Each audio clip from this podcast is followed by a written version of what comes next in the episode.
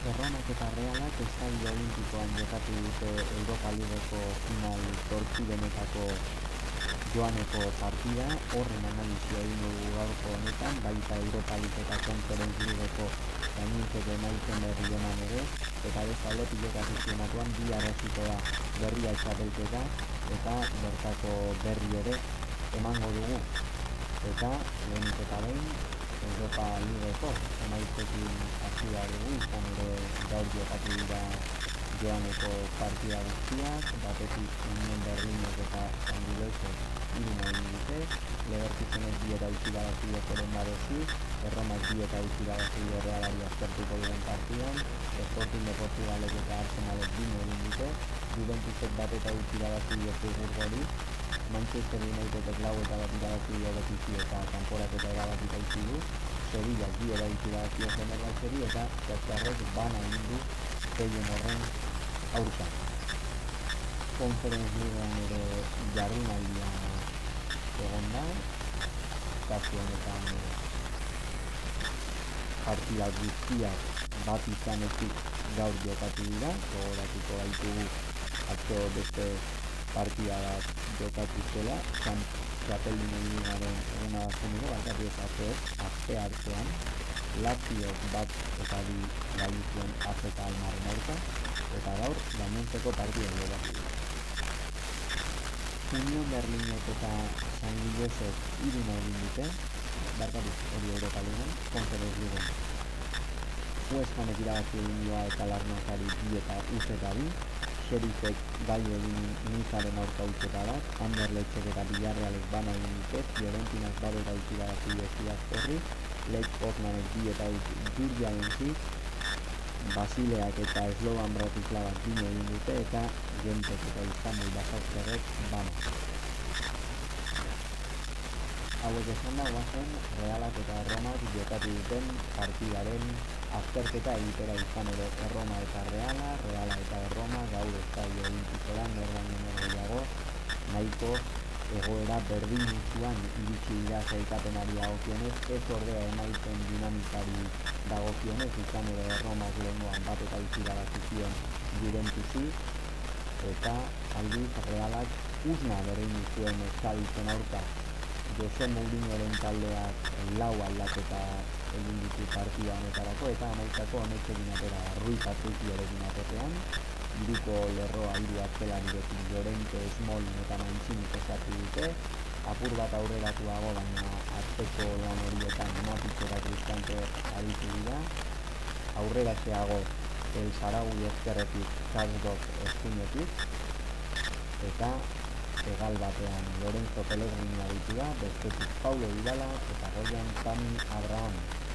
Realak bere kasuan hiru aldaketa egin ditu, Remiro izan da atepean, le normal eta zubeldia atealdean erdialdean, Goreza Belezkinetik Diego Rico Eskeretik, Martin Zubimendi pivote modura,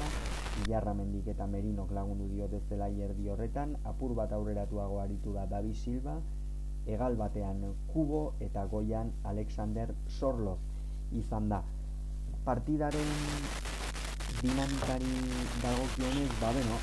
partida zera oso berdintua izan da, ikusi da lere ala zerbait lortu nahi batzuen kostatu egin ez izan ere Roma oso sendo bat ikusi dugu bat ez ere azteko lerro horietan intentsi batean dira zartzen zion jokoari eta horre reala apur bat jokoztan po utzi dela esan genezake. Zergatik realak baloia zuen bakoitzan eta aurrera egiten zuen bakoitzan hortzen mazik edo kristante baloi hori lapurteko prest eta realekoak zer egin ez egitela geratzen ziren. Bestalde min handia egin dute galekatikan el Sarauik bat ere lehen zatian eta kasdozek behar bada bigaren zatian min gehiago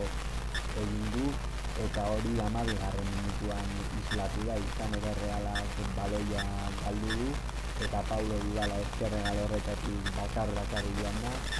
Hor berez Diego Rico egon beharko zuten baina ez zegoen beste, beste laguntza bat sumatu da faltan hor. Horren ezkean Vidalak oso eroso ipinu berdirak eta bigarren zutenera eta Elzarauik naiz eta ez zaion erremate oso erosoa etorri bikain bukatu du jokaldia eta bat eta guztokoa egin du. Kolpe gogorra izan da hori realaren zergatik ez zelako gaizki jokatzen ari talde txuri urdina alde batetik eta bestetik berri amarigaren minutuan gol hori jasotzea zalantza asko zor leziziotelako ez da alde batetik azte aldeko lerro horretan zalantzak sortu eta gero aurrean gainera jokoa ezin eroso eramana izate horrek ekarri izakeen ondorioak eta horiek gero nabaritu dira, naiz eta realak jarraitu duen, esan bezala Romak partida oso serioa egin du, Mourinhok nahi zuenera e, jokatu dute Italiarrek eta hori denetan oso bete dute. Jose Mourinhoren taktika argia zen, realari baloia utzi, hori bai, zuloak ez utzi izan ere ikusten genuen,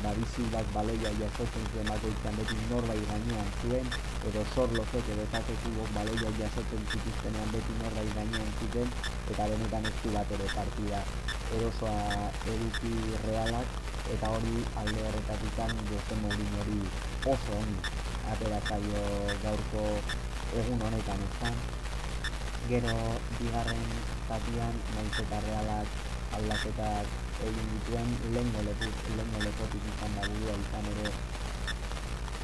Braiz eta Txo atera ditu, behar da aldaketa nabarmenenak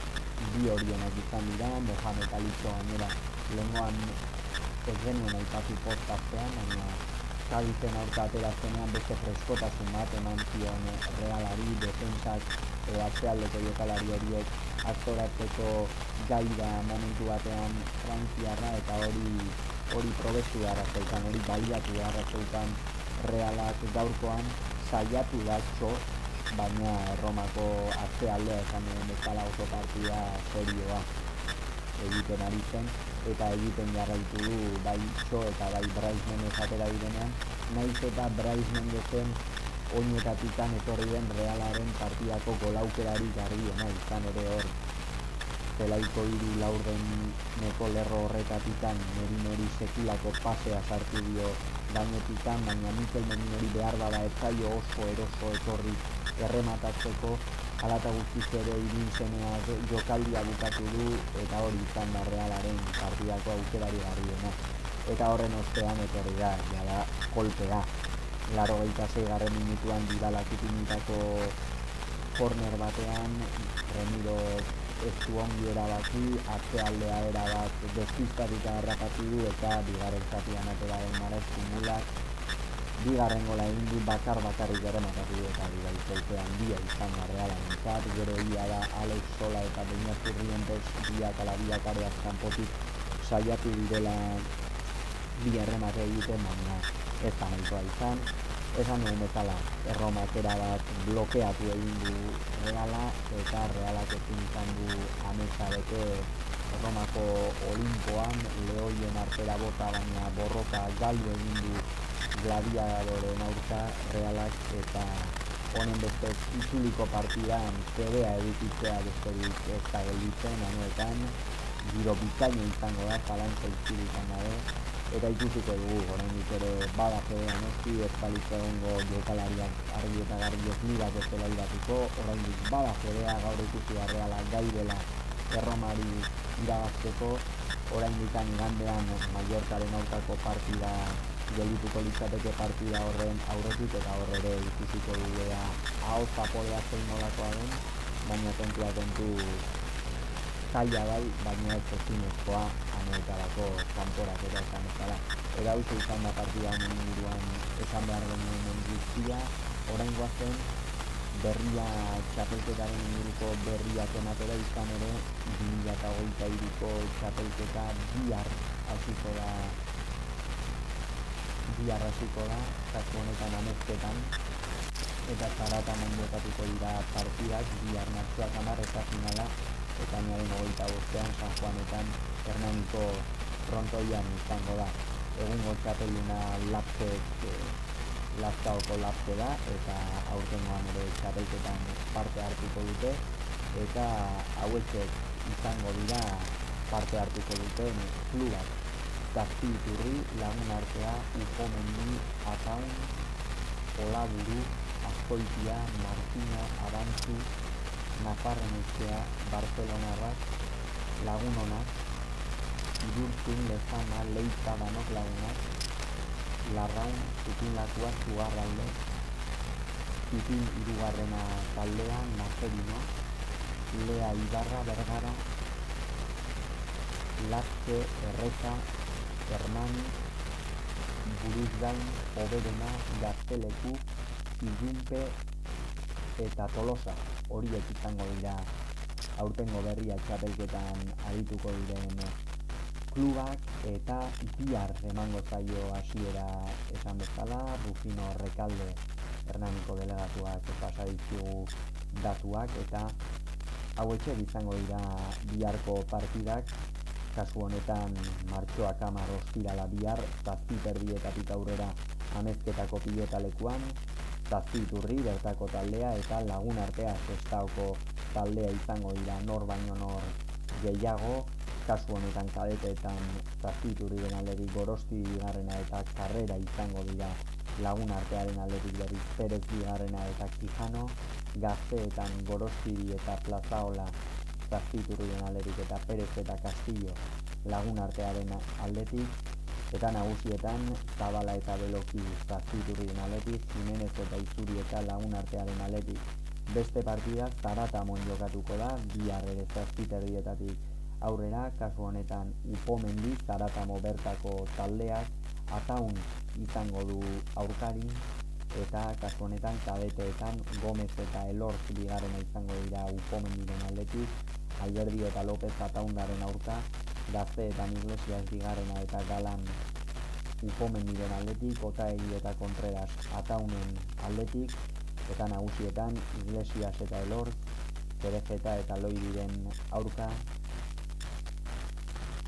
eta hauexek beraz biharko lehiak txapelketari hasiera emango diotenak eta igandean berriz Hernani jokatuko dira partidak kasu honetan ez igande honetan bai dira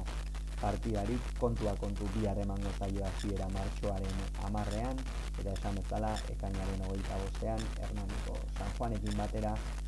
jokatuko dira finalak Hernaniko pilotalekuan bertan. Eta hau izan da beraz gaurko zesan behar genuen guztia, urrengoan gehiago izango duzu ekirolunea podcast honetan, bitartean izan agur.